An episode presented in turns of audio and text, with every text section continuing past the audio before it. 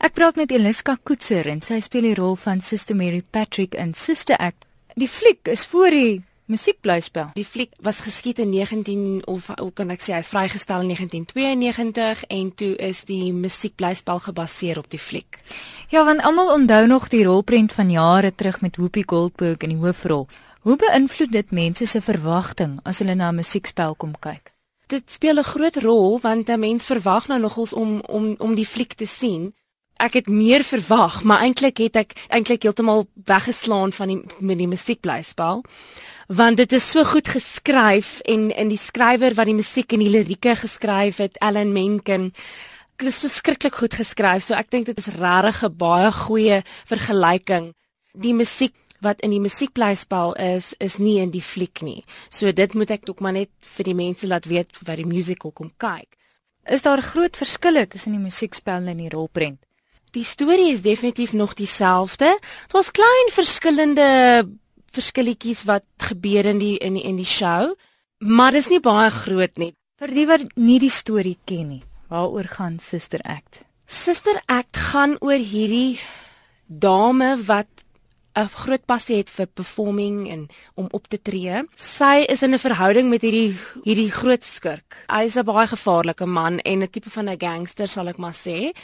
Dit speel af in die 1970s in Amerika in Philadelphia waar hierdie dametjie sy sien hierdie moord gebeur wat haar boyfriend se ma moord pleeg en sy sien die moord en sy moet vlug. Sy gaan na die polisie toe en sy verduidelik vir hulle die situasie wat sy gesien het en hulle sit haar basies in 'n klooster en hulle steek haar daar weg.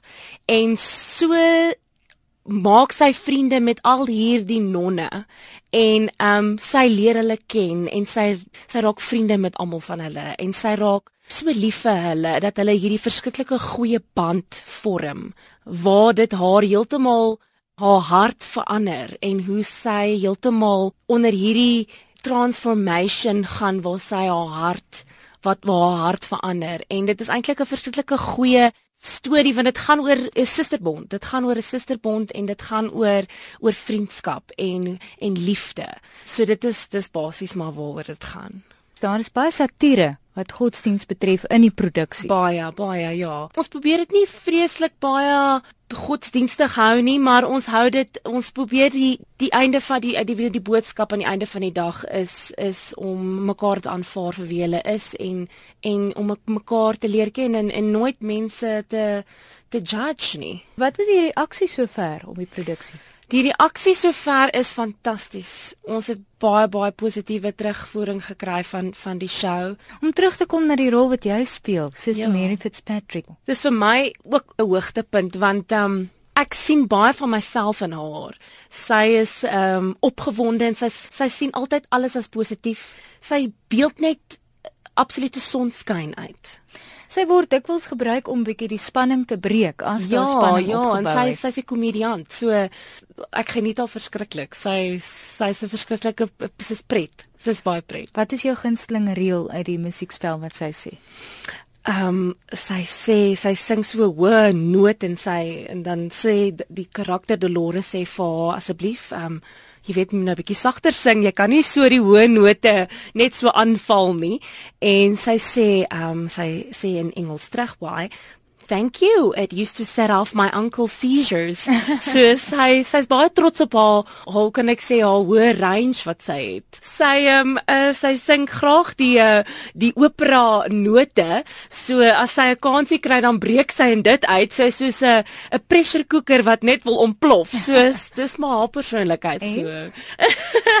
ek is nou eintlik hier op die spot gesit, maar ek sal ek sal maar sy sing maar net so uh, en daai tipe van ding so maar ek dink die kykers moet maar kom kyk en en kom sien vir hulle self. Wat interessant is van die produksie is die teatrale uh, vermenging met ligte musiek. Jy ja. weet daar's 'n element van klassieke musiek en tog is dit uh, in die ligte genre verweef. Ja, ja. Dis nou nogals iets om te om te sit en jy kry ietsie van alles want dit is ligte musiek. Dit is die dis die hymns van die kerk. Dit is 'n uh, absolute disco uh disco musiek wat hulle wat gebruik word. Um wat die nonne nou uiteindelik leer om te gebruik in die kerk want ehm um, dit is vir hulle nou 'n heeltemal 'n ander vlak van van sing want hulle was eintlik hulle voordat die karakter Dolores in die klooster ingekom het, het die nonne nie baie goed gesing nie. So hulle is maar geleer om te sing en dit is wat nou maar die musiekblyspel um, interessant maak want ehm um, die nonne leer hoe om hulle stemme te gebruik en reg te gebruik en eintlik in in harmonie saam te kan sing. En net soos wat die nonne leer om nou nuwe vaardighede van sang aan te leer, is dit asof die hoofkarakter of sy meer ontwikkel as karakter in die proses waar sy hulle hierdie nuwe sangtegnieke leer. Ja. Dis amper asof sy 'n nuwe self van haar aanleer, is ja. reg? Sy word heeltemal versag. Sy versag heeltemal binne in haarself en sy sy leer heeltemal 'n ek dink sal ek sê die nonne en en en die karakter Dolores leer van mekaar. So hulle leer om hulle leer balans in hulle lewe. So ek dink dit is dis ook aan die einde van die dag ook 'n spesiale ding om huis toe te vat om altyd te weet jy sê jy kan altyd iets leer. Jy's nooit jy's nooit te oud om iets te leer nie. So al is dit musiek en liefde en en al daai goed word ingeïntegreer in mekaar. So dit is dis is wonderlik om dit te kan die mense die ehm um, geniet die show verskriklik. So hulle hulle lag en hulle geniet die musiek. Vertel my meer van Candida wat die hoofrol speel. Candida Mosama is ehm um, sy speel uh, die karakter Dolores en sy word sy gaan na die klooster toe en sy word dan Sister Mary Clarence. Candida is 'n absolute, ag sy's baie professioneel en verskriklik talentvol. Sy uh speel die rol baie goed, sy vertolk die rol baie goed en sy sy vat haar aan 'n sy gee haar 'n ander dimensie. So sy sy's verskriklik verskriklik goed. Dis 'n baie grootse rol en baie uitdagend vir die stem rol. ook. Baie groot rol. Sy vat vir baie verantwoordelikheid en sy dra die show. So nee, sy doen 'n verskriklike goeie goeie goeie werk. Watter ander groot name is ook in die produksie te sien? Ons het nou natuurlik vir Kate Normington. Uh Kate Normington is 'n verskriklike goeie uh musiekteateraktrise. Um sy speel Mother Superior wat uh ook 'n verskriklike goeie rol is en dis ook natuurlik 'n baie groot rol en um sy moet ook nou natuurlik sy het ook baie verantwoordelikhede wat sy dra aan die show. En um sy sing in haar karakter spesifiek versag ook aan die einde van die show want sy sy aanvaar nie vir die karakter van De, Dolores eers nie. So sy moet ook gewoond raak aan Dolores en die manier hoe sy die kerk half met haar musiek hanteer. Mother Superior het ook daai ehm um, hulle het ook daai hoe kan ek sê hulle sit bietjie vas. So dit is ook deel van die storie waar hulle mekaar leer aanvaar en van mekaar af leer. En waar en tot wanneer is julle nog te sien? Ons is ehm um, nog te sien tot die 16de Augustus.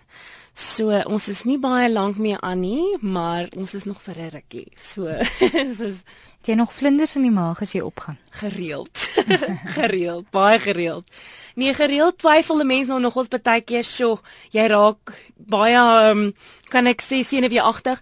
Maar ek dink wanneer jy die oomblik net vergeet daarvan en net die storie vertel en jouself geniet, dan dan verdwyn die vlinders en dan dan vat dit maar dan dan sit maar net 'n 'n wonderlike ehm um, op opwindende uh, experience. Nou as alles klaar verby is, wat gaan jy saam met jou neem van die produksie? Absolute positiwiteit en liefde. Dit was 'n 'n absolute voorreg om saam met almal te kon optree wie in die in die musiekblyspel is. Ek sal dit definitief weer wil doen.